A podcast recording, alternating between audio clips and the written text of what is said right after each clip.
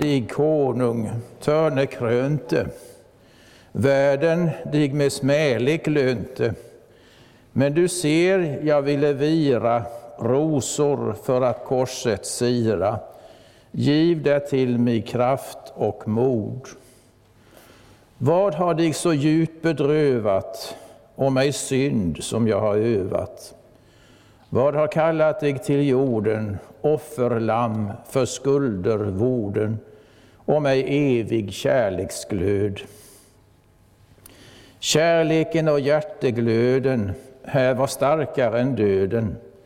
Hellre vill du ge än taga, tåligt som ett lamm fördraga, korsets död för synden vår. När i dig jag livet funnit, har jag lyckligt övervunnit. Dig jag älskar vill alena, dig jag följa vill, du rena, milda, blödande Guds lamm. I Guds, Faderns och Sonens och den helige Andes namn. Amen. Vi läser den sjätte veckan av Lukas-seriens passionshistoria, kapitel 23, vers 1-25. Alla de församlade bröt nu upp och förde Jesus till Pilatus. Där började de anklaga honom och säga, vi har funnit att den här mannen förleder vårt folk. Han förbjuder att man betalar skatt till kejsaren. Och han säger att han är Messias, en kung. Pilatus frågade honom, så du är judarnas kung? Jesus svarade, du själv säger det. Pilatus sa då till översteprästerna och till folket, jag ser inget brottsligt hos den mannen. Men det var påstridiga och sa, han hetsar upp folket med sin lära över hela Judeen, från Galileen och ända hit. När Pilatus hörde detta frågade han om mannen var Galilei. Och när han fick veta att Jesus kom från Herodes myndighetsområde skickade han honom till Herodes, som också var i Jerusalem under de dagarna. När Herodes fick se Jesus blev han mycket glad. Han hade länge velat träffa honom, för han hade hört om honom och hoppades nu få se honom göra något tecken. Herodes ställde många frågor till honom, men Jesus svarade honom inte. Översteprästerna och de skriftlärda stod där och anklagade honom häftigt. Då fick Herodes och hans soldater förakt för honom, och han hånade honom genom att sätta på honom en praktfull dräkt innan han sände honom tillbaka till Pilatus. Den dagen blev Herodes och Pilatus vänner med varandra. Förut hade det rått fiendskap mellan dem. Pilatus sammankallade översteprästerna och rådsherrarna och folket och sa till dem, ni har fört den här mannen till mig och sagt att han förvillar folket. Jag har nu förhört honom i er närvaro, men inte funnit honom skyldig till det ni anklagar honom för. Det gjorde inte Herodes heller, och därför sände han honom tillbaka till oss. Ni ser att han inte har gjort något som förtjänar döden. Därför ska jag prygla honom och sedan släppa honom. Då skrek hela hopen, bort med honom, låt oss få Barabbas fri.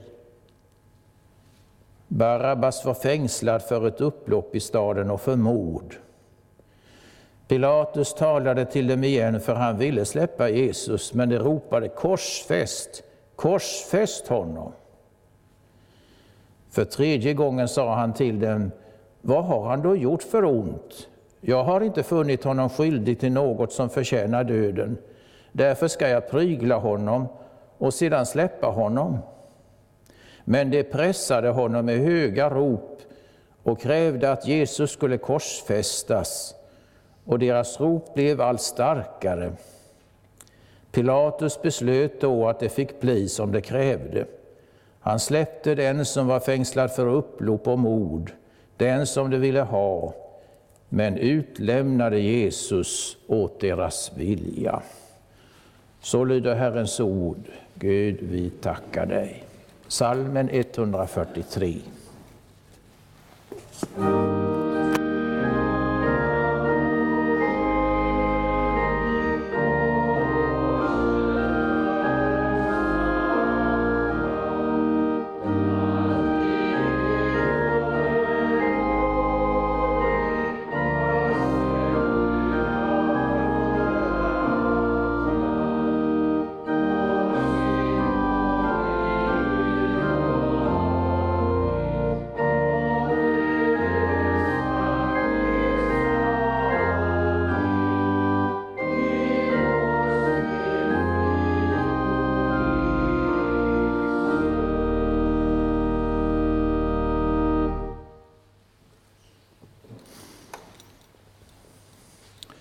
Ty lammet är herrarnas herre och konungarnas konung. Detta läser vi i Uppenbarelseboken, det 17 kapitlets 14 vers, att aposteln Johannes fick höra den ängel säga till honom, som uttydde för honom den syn han då hade sett. Då han hade sett en kvinna sitta på ett falakansrött vilddjur som hade sju huvuden och tio horn. Då ängeln för Johannes uttydde hemligheten med denna syn sa han att vilddjurets tio horn betydde tio konungar som för en kort tid skulle få makt som konungar och ge sig i strid med Lammet. Vad det då är för ett lamm som ängeln talade om borde vi ju kunna förstå. Det är Jesus. Han som kom i världen för att som Guds lamm med sin offerdöd borttaga världens synd. Om honom är det då som ängeln säger att han är herrarnas herre och konungarnas konung. Det vill säga, den som överträffar och är för mer än alla andra herrar och konungar, en konung utan like. Som sådan skall han då bevisa sig i den yttersta tidens strid med denna världens mäktiga. Men som en konung utan like har han också redan bevisat sig i det som han gjorde och led som lammet som offras för världens skuld, för dina synder och mina. Ja, det är vad vår passionstext idag ställer oss inför. Jesus i sitt lidande, en konung utan like. Och det ska bli vårt ämne för den här passionspredikan. Jesus i sitt lidande, en konung utan like. Då han är brottslig utan like och ändå menlös utan like. Det är det första. Sådan var det man ville få Jesus att framstå när Stora rådets medlemmar förde honom till landshövdingen Pilatus och ställde fram honom inför hans domstol för att få honom dömd till döden. Sådan ville man då få Jesus att framstå som en som verkligen var en brottsling och ogärningsman. Så som Jesus också själv hade sagt att skriftens ord måste fullbordas på honom. Han blev räknad bland ogärningsmän. Det var också vad man från början ville göra klart för Pilatus att Jesus var. Och att det var därför man nu överlämnade Jesus åt honom. Då man sa, vore han icke en illgärningsman, så hade vi inte överlämnat honom åt dig. Som sådan tycktes Jesus nu också framstå genom de anklagelser som ledarna i hans folk riktade mot honom inför Pilatus. Det var ju inte lite och inga småsaker man hade att anklaga Jesus för. Att han med sin lära vilseledde och uppviglade folket. Så ville han då sätta igång ett uppror i folket mot dess makthavare. Att han ville förhindra att man betalade skatten till kejsaren. Som erkänner han då inte kejsaren som den rättmätige herren i landet och att han hade sagt sig vara Messias, som ville han då göra sig själv till kung och sätta sig upp mot kejsaren. Så framstod det här igenom som låg det något brottsligt i detta att han skulle vara en konung, som något han med orätt gett sig ut för och sökte göra sig till. Och som en brottslig konung kom då Jesus att framstå inför Pilatus genom det han anklagades för, i synnerhet som han heller inte bemötte dessa anklagelser och försvarade sig mot dem. Och brottslig var han också i den stunden. Brottslig långt mer än hans anklagare då med sina anklagelser ville göra honom. Ja, brottslig utan like. För där Jesus stod inför Pilatus var han i djupaste mening skyldig, inte bara till allt det som hans anklagare falskeligen sade sig ha funnit honom skyldig till. Nej, han var då skyldig till alla människors brott ogärningar och synder som då hade begåtts och som skulle begås i världen i det att Herren lät alla svår missgärning drabba honom. Gud hade tillräknat honom allt detta, som om han var den skyldige till det, för att kunna försona allt sammans genom hans lidande och hans död så överträffar Jesus i sitt lidande alla denna världens herrar och konungar och den brottslighet som man kan finna hos dem och framstår som en konung, brottslig utan like. Och ändå menlös och oskyldig utan like. För trots allt som man då anklagade Jesus för, och fastän Gud då hade tillräknat honom all synd och skuld i världen, som var han den enda skyldige, så framstod Jesu egen oskuld och menlöshet allt tydligare och klarare i allt detta. Ja, kom Jesus att framstå som den enda verkligt oskyldige bland dem alla. Pilatus förklarar åter och åter om Jesus, jag finner inte ett brottsligt hos denne man. Jag har icke funnit honom skyldig till något av det ni anklagar honom för och säger att inte heller Herodes funnit Jesus skyldig.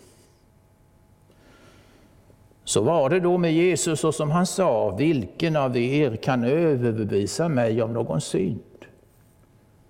Nej, ingen kunde överbevisa Jesus om någon synd eller skuld, därför att han i sig själv var utan synd. Och sådan framstod nu Jesus i sitt lidande och ställdes han fram för oss för att det ska stå klart för oss att det inte är för egna synder han får lida, utan för dina synder och mina och att han då är en konung, menlös utan like. Men i sitt lidande framstår Jesus också som en konung utan like, då han framställs för oss som värnlös utan like och ändå mäktig utan like.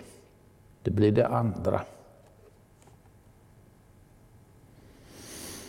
Det utmärkande för herrarna och konungarna i denna världen är ju att de har och kan utöva makt. Makt över det som är deras herradöme och konungadöme. Makt över andra. Och att de kan hävda och göra sin makt gällande genom dem de kan befalla över och genom maktmedel som de har till sitt förfogande, såsom vapen och liknande. Jesus talar om detta när han säger, ni vet att furstarna uppträder mot sina folk såsom herrar och att det mäktige låter folken känna sin myndighet. Som sådana maktmänniskor, människor som representerar och utövar den världsliga makten, framstår i vår passionstext idag Pilatus, den kejserlige landshövdingen och Herodes som var landsfurste i Galileen. Att Pilatus hade och kunde utöva makt här i världen tycktes ju inte kunna sättas i fråga. Han som handlade på fullmakt av landets högste styresman, kejsaren. Han som hade mängder av beväpnade soldater till sitt förfogande att befalla över. Han som hade makten att döma både till liv och till död. Att det var han som hade makten, det förehöll han också Jesus när han under sitt förhör med Jesus sa, ”Svarar du mig icke, vet du då icke att jag har makt att giva dig lös och makt att korsfästa dig? Och jämfört med Pilatus och ställd inför hans makt framstår då Jesus som helt maktlös och värnlöst utlämnad åt Pilatus makt och godtycke. Jesus som av sitt eget folk utlämnats för att han sagt sig vara en konung. En konung som ingen av hans egna alltså tycktes vilja kännas vid eller veta av. Jesus som inte tycktes ha en enda människa som ville tjäna eller försvara honom och som stod där inför Pilatus med bakbundna händer utan att tyckas kunna göra det minsta för att värna sig eller hävda sig som den konung han beskylldes ha sagt sig vara. Därför kunde Pilatus heller inte tar det på allvar, detta att Jesus sagt sig vara en konung, eller ser något hotfullt i det. Så framstod Jesus i sitt lidande som en konung maktlös och värnlös utan like. Som en som inte hade någon makt att ta på allvar eller bry sig om. Och som sådan tycktes han också vara när man ser till hur han lät sig behandlas. Först av Herodes och hans krigsmän, de som bemötte honom med förakt begabbade honom och klädde ut honom. Och sen av Pilatus soldater som fick skymfa honom, slå honom, spotta på honom och gissla honom utan att han tycktes kunna göra något för att förhindra det. Och så kan det väl alltjämt se ut, som om det var herrarna och det mäktiga här i världen som har makten och som kan göra som de vill. Och som om Jesus var lika maktlös och värnlös mot dem och deras tilltag som han tycktes vara i sitt lidande. När man tänker på vad som får ske här i världen vilka orättvisor och orättfärdigheter och illgärningar som får ske utan att det tycks finnas någon som kan förhindra det.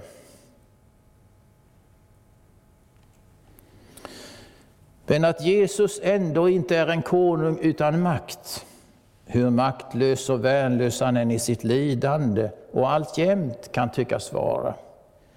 Det gjorde han klart redan när han stod inför Pilatus.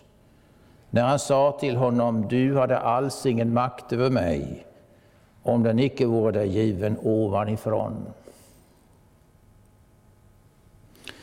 Sin makt visade Jesus just i sitt lidande genom att lida och låta sig dödas och sedan uppstå igen från döden. Ja, därmed har Jesus visat sig ha en makt utan like. En makt som ingen annan här i världen har. En makt som är starkare än till och med döden.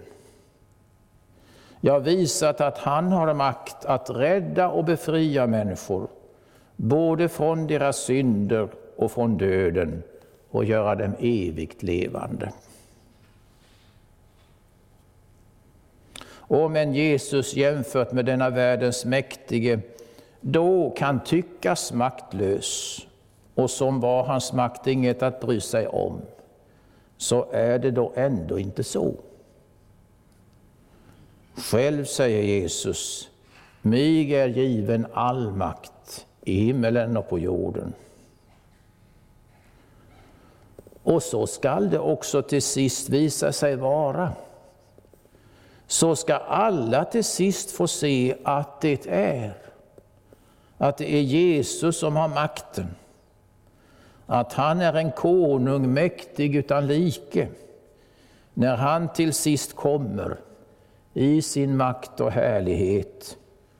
Och alla ska se honom och allt ska bli honom underlagt och alla får erkänna att Jesus är Herre.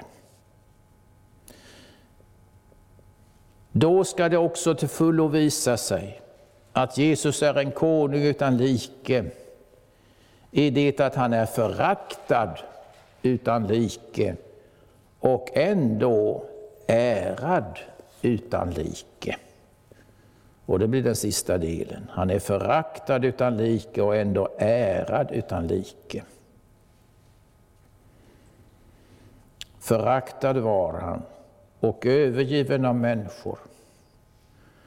Så hade Jesaja profeterat om Herrens lidande tjänare. Och sådan framstår Jesus också, sådan han ställes framför oss i sitt lidande under Pontius Pilatus och Herodes i dagens passionstext. Ja, som en konung föraktad utan like.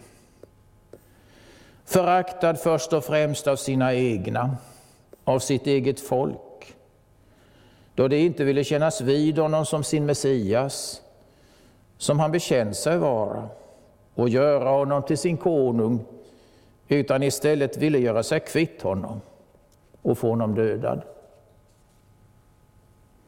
Sitt förakt för Jesus som deras konung visade det öppet och tydligt när Pilatus ställde fram Jesus inför dem, klädd i en röd mantel och med en krona av törne på huvudet och sa, se här är er konung. Och de då skriade, bort med honom, korsfäst honom. Föraktad som konung blev Jesus också av Pilatus. Då Pilatus inte ansåg det som något att ta på allvar eller bry sig om, att Jesus sagt sig vara en konung, utan istället lät tukta och gissla honom för det. Föraktad som konung blev Jesus av Pilatus soldater. De som på spe klädde ut honom till en narrkonung och hånfullt hälsade honom, heldig judarnas konung, spottade på honom och slog honom. Liksom Jesus bemöttes med förakt på liknande sätt av Herodes och av hans krigsmän. Ja, så framstår Jesus i sitt lidande som en konung, föraktad av alla, föraktad utan like. Så att det inte tycktes finnas gränser för hur människor fick utsätta honom för förakt och förnedring och som om ingen då ville ha honom till konung. Och föraktad som konung och herre, det har Jesus allt sedan blivit och det blir han alltjämt av många. Ja, många vill inte alls veta av Jesus eller ordet om honom, om vad han har gjort och lidit för dem. Det vill inte ha honom till herre och konung över sig och sina liv. Och vad han har sagt och lärt i sitt ord, det bryr sig inte alls om och anser det alls inte vara något som det skulle behöva följa eller rätta sig efter. Så föraktar många alltjämt Jesus som konung och herre. Men om han då än med tanke på hur han har blivit och alltjämt av många blir föraktad, måste sägas vara en konung föraktad utan like, så har han också blivit och är han en konung ärad utan like. Det är han med tanke på hur många det ändå är och har blivit, som tiderna igenom har velat ta emot honom och hylla och ära honom som sin konung och Herre. Ja, honom som hans eget folk då inte ville kännas vid och ha till sin konung. Honom är det nu miljoner människor från alla andra länder och folk som har tagit emot och som ser som sin rätte och verklige Herre och konung vilka herrar och makthavare det än har över sig och lever under här i världen. Det som gjorde honom till en föraktlig konung i hans eget folks ögon, så att det tog avstånd från honom, det lidande han utsattes för och den död han fick, ogärningsmannens död på ett kors. Det är det som har gjort honom till herre och konung för dessa många som har vunnit den för honom. Ja, det är det som de nu hyllar och ärar honom som sin konung för. Allt det han gjorde och led för dem. Och inte minst när man då tänker på vad människor har velat göra för att ära Jesus som sin Herre och konung. Hur de har kunnat bekänna sig till honom inför människor i världen och stå fast vid lydnaden för honom och hans ord, fastän de fått lida för det, ja, till och med fått ge sitt liv för det. Så måste Jesus sägas ha blivit och vara en konung, ärad utan like. Men vad är då Jesus för dig? Kan du alls se honom som Herre och konung? För detta var dock inte bara något han då i sitt lidande beskylldes vilja göra sig till. Detta är vad han verkligen är och vill vara också för dig, din konung och din Herre. Det var därför han led och gav sitt liv, för att få bli det för dig och vara det för dig, liksom för oss alla.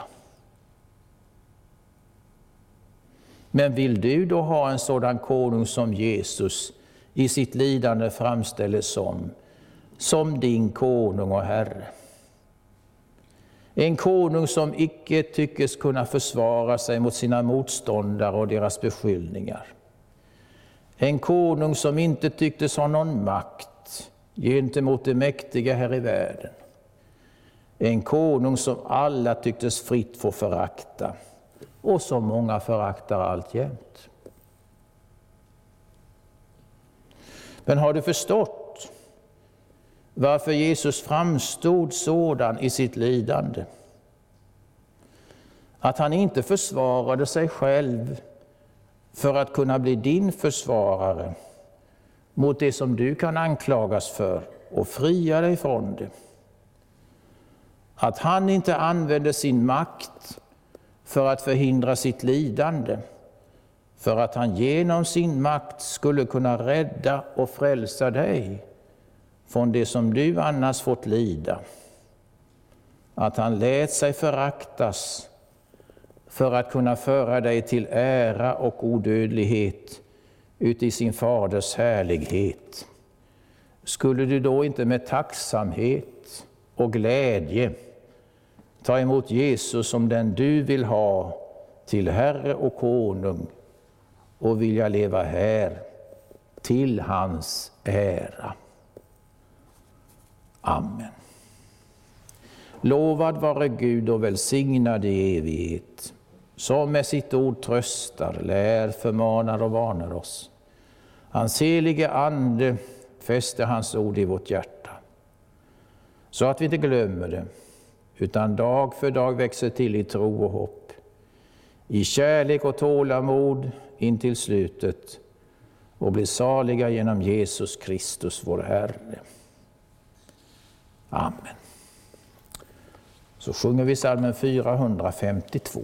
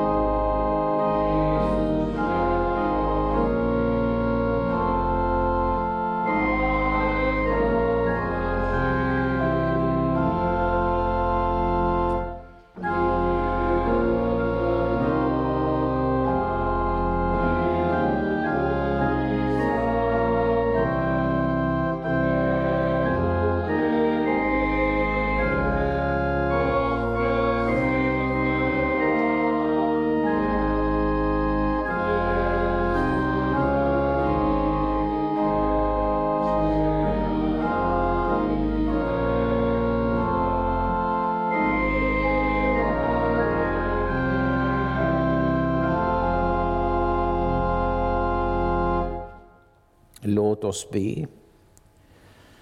Outsägligen stor, Herre Jesus, var din kärlek till oss fallna människor, att du för vår skull blev människa och led smälek, ångest, pina och död för oss syndare, som annars hade måst evigt dö.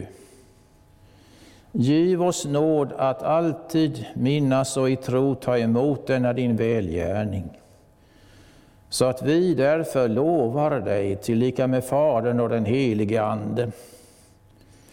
Hjälp oss att alltid leva kristligt och i all nöd och motgång trösta oss med att du är vår frälsare, som har förlossat oss från dödens och djävulens våld och som slutligen ska taga oss från denna mödosamma värld till dig i himmelen, där vi i evighet ska fullkomna ditt lov.